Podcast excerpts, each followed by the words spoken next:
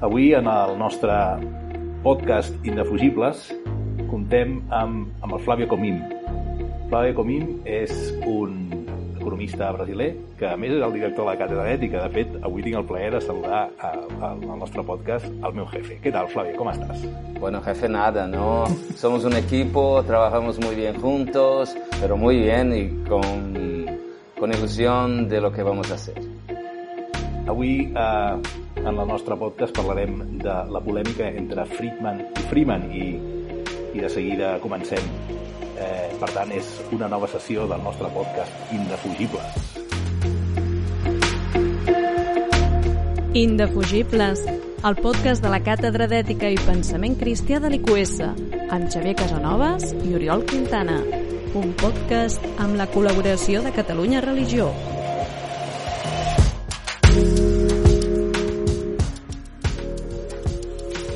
Bé, la polèmica entre Friedman i Freeman és una qüestió relacionada amb el món de l'empresa i relacionada amb el que s'anomena la responsabilitat social corporativa. La idea de que la, les empreses tenen, més enllà de la responsabilitat de guanyar diners, tenen, diríem, obligacions cap a la societat, no? més enllà de simplement guanyar diners, diners per elles. No? Però bueno, anem per parts. Eh, Flavio, qui, qui era Friedman? ¿O por dónde, por dónde comenzar, Emilio? ¿Por Friedman o por Friedman? Díganos tú. Bueno, ah, mejor empezar por el Milton Friedman, que ha sido uno de los economistas más influyentes de todo el siglo pasado. Y no solo porque ha ganado un premio Nobel, no solo porque ha hecho una escuela, a que muchos hablan de la escuela de Chicago donde estaba, pero porque él ha sabido comunicar como tal vez pocos economistas han sabido comunicar sus ideas. Tenía algunas ideas muy liberales, algunas ideas de libertad de mercado, ideas de cómo hacer las cosas de un modo distinto. Entonces, ha sido, ha, ha sido muy influyente Friedman. Vale, i entonces, eh, aquest senyor, què és el que deia eh, a aquesta qüestió de la, de la responsabilitat social corporativa, de la responsabilitat social de l'empresa? Es, es, muy interesante porque Friedman allá en el fin de los años 60 para los 70 empieza a escribir uh, porque, y escribe como una, una reacción, una reacción a cuando empezaban los, los uh, grandes empresarios a hacer cosas por, por la parte social de las empresas, él escribe que esto es una gran tontería que no existe responsabilidad social corporativa. Esta es una cosa muy interesante porque Friedman es muy directo. Entonces lo que hablaba es que no existe porque empresas no son personas de verdad. Empresas son personas artificiales. Ajá. Y como son personas artificiales, tienen responsabilidades artificiales. Yo creo que hay un punto de la teoría de Friedman que es muy sencillo y es este punto que él hace una relación que dice las personas tienen responsabilidad, pero las empresas, ¿qué son las empresas? Y es una parte que tal vez sea un poquitín más complicada, pero es interesante, porque él uh, basa toda su fundamentación en la teoría de la información asimétrica. La teoría de la información asimétrica, después de oferta y demanda, ha sido la cosa más interesante que los economistas han hecho, yo podría decir en, en términos de teoría económica. Y va a decir más o menos así.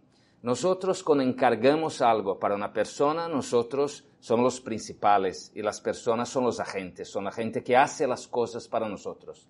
Nosotros estamos mal y vamos al médico. Bueno, la salud es nuestra, pero quien va a hacer el trabajo eh, son los médicos. Igual, si necesitamos un fontanero en, en nuestra casa, el fontanero va a hacer una cosa para nosotros, o sea, nosotros tenemos el interés principal.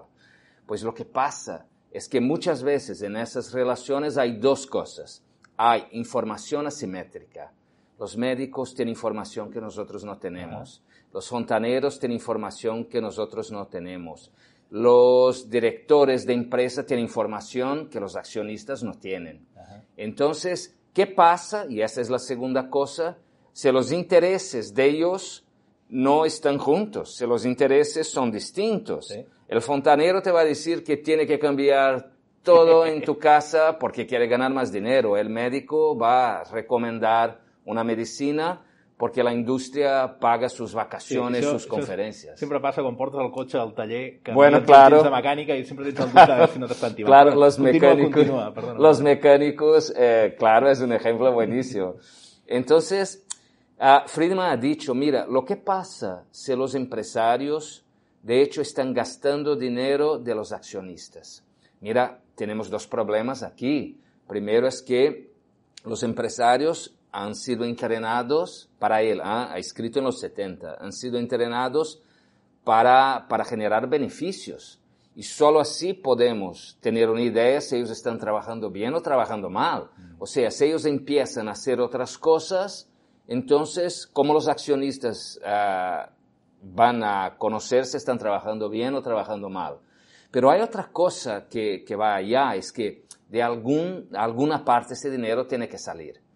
O se va a disminuir ah, eh, los beneficios de los accionistas, o se va a aumentar los precios y los consumidores van a pagar, o se va a disminuir los salarios. De alguna parte este dinero que va a la acción social, o sea, Treu de- altra banda i... Sí, i de- debería salir. O sea, lo que Friedman va a decir es no solo que empresas como, como organizaciones no tenían responsabilidad, que la única responsabilidad que tienen es generar beneficios y que hay problemas de información asimétrica que, que vamos a llamar de riesgo moral, no moral hazard en inglés. Per tant, en les situacions d'informació asimètrica només es poden compensar, en el cas de les empreses, per, per generar beneficis, diguéssim. O sigui, és com dir, l'accionista no necessita saber res més enllà de si li arriben els beneficis o no. És l'única informació claro. que té per, per saber si s'està fent si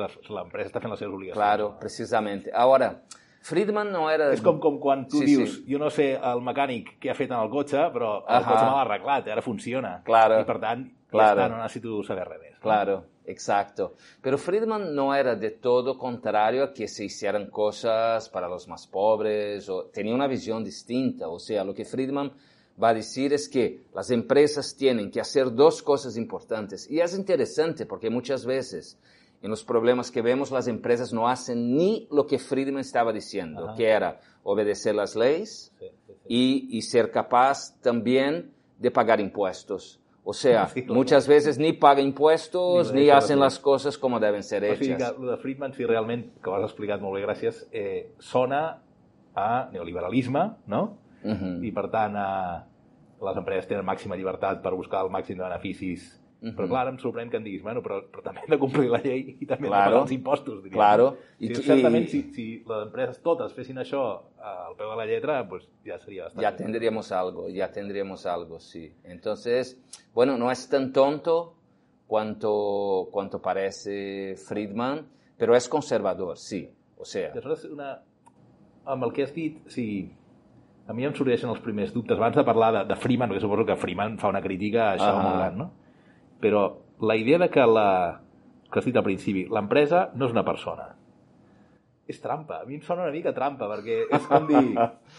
sí. L'empresa ajá. és una, un mecanisme que tenen les persones per perdre la seva responsabilitat moral, diríem. Eh, Com que a la mesura que jo actuo com a membre d'aquesta empresa, com que l'empresa no és una persona, aleshores no tinc... Què? O sigui, no tens obligacions? Ajá. Bueno, ja anirem a això, no?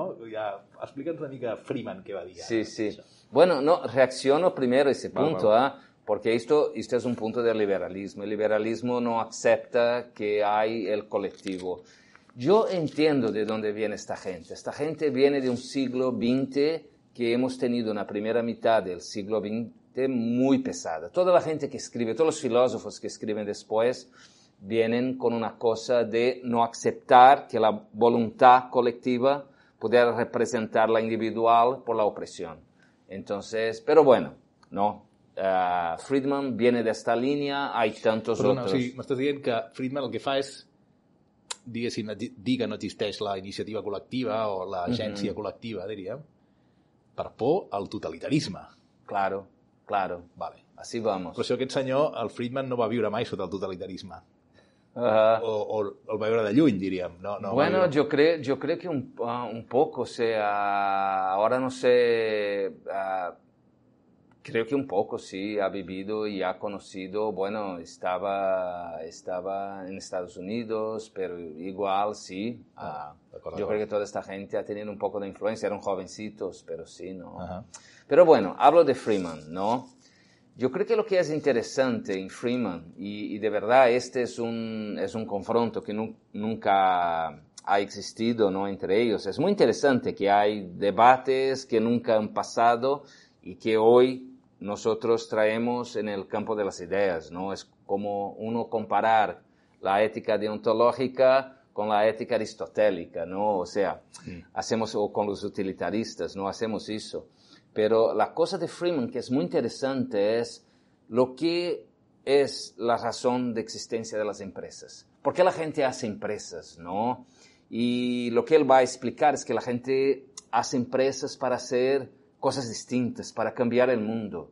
La gente no hace solo empresas para ganar dinero, también para ganar dinero, pero no es la cosa Uf, esencial. però, perdona que, que et Sí. pari aquí, eh, però això és molt bèstia. La, jo, jo et diria, la gent fa empreses per enriquir-se elles, és a dir, no? Bueno, algunos sí, claro, hay una diferencia de motivación, ¿no? Y hay unos que hacen porque era la empresa de su familia y así seguimos, Però ¿no? una, una pregunta, quan tu en els teus alumnes els hi dius per què serveix una empresa, ells, a- em refereixo a les primeres classes sense haver parlat d'aquests temes, què et responen espontàniament? Bueno, cuando yo hago, yo, yo primero paso a Friedman, ¿no? Para, y mucha gente reacciona como Friedman. Y, y después yo pongo un vídeo de Freeman, porque Freeman además, él explica con, con muchos ejemplos, como, pero él piensa en grandes empresas, ¿no? Él va a pensar, él va a decir, mira, Steve Jobs no querría solo ganar dinero, Ajá. querría cambiar la manera por la cual comunicamos y, y seguramente el, el joven, ¿no? Bill Gates, tiene otras ideas también y la gente que ha hecho Starbucks querría que la gente cuando entrase en una cafetería tuviera una experiencia distinta. El punto, eh, el punto de Freeman es que las empresas hacen más cosas Sí, sí, que sí. generar que generar am, beneficios. También lo hacen y gente que está en cosas tradicionales, sí, pero todo este capital, la innovación tecnológica y no sé qué, o sea, que Freeman ve más, es, hay más gente involucrada.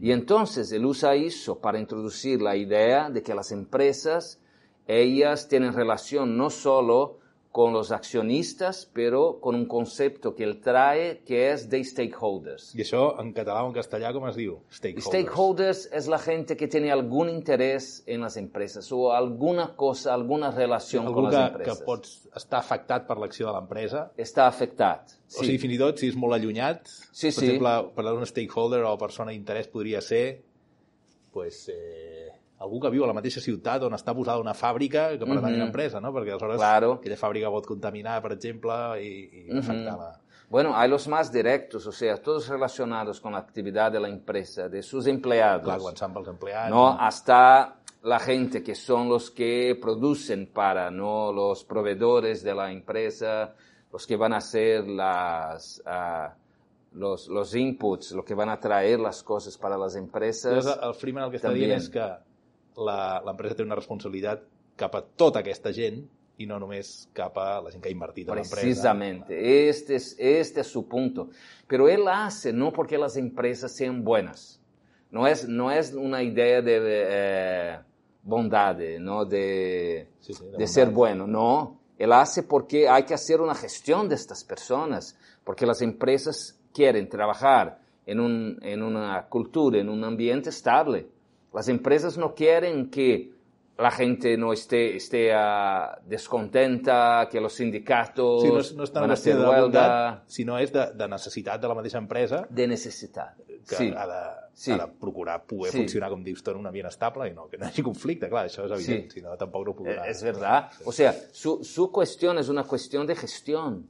Es una cuestión para que las empresas puedan hacer lo que quieren. Hay, hay que ver todo, porque mañana o después tienes un escándalo por algo que has hecho malo y, y para todo. Cae el CEO de la empresa, el- los jefes, las acciones bajan. Sí, sí, y sí. todo lo que vemos hoy de ESG, Què és ESG? Eh, ESG, perdona. son, son tres, Bueno, uh, son tres uh, palabritas que se han puesto juntas que son un guion para inversores, ¿no? Uh, o sea, el E para medio ambiente, environment en inglés, el S para la parte social y el G para la parte de gobernanza.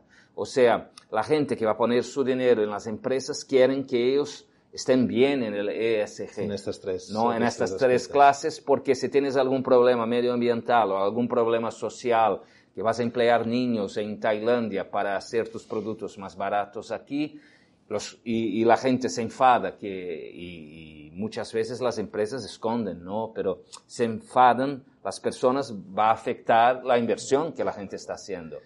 Flavio, no tenim més temps, però... Bueno, molt bé, molt bé. Fem, gravem una estona més. Què anava a dir? Bueno, però per acabar, si em pots dir breument, qui dels dos té raó?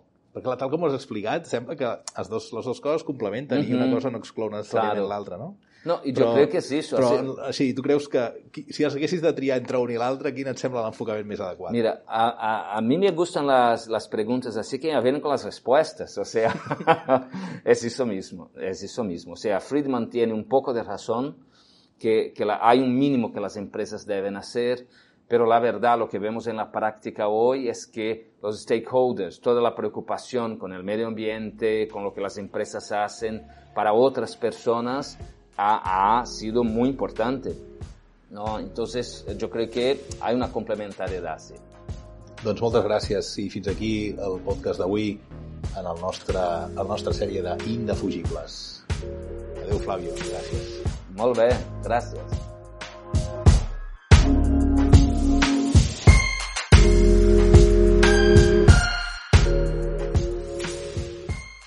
Catalunya Religió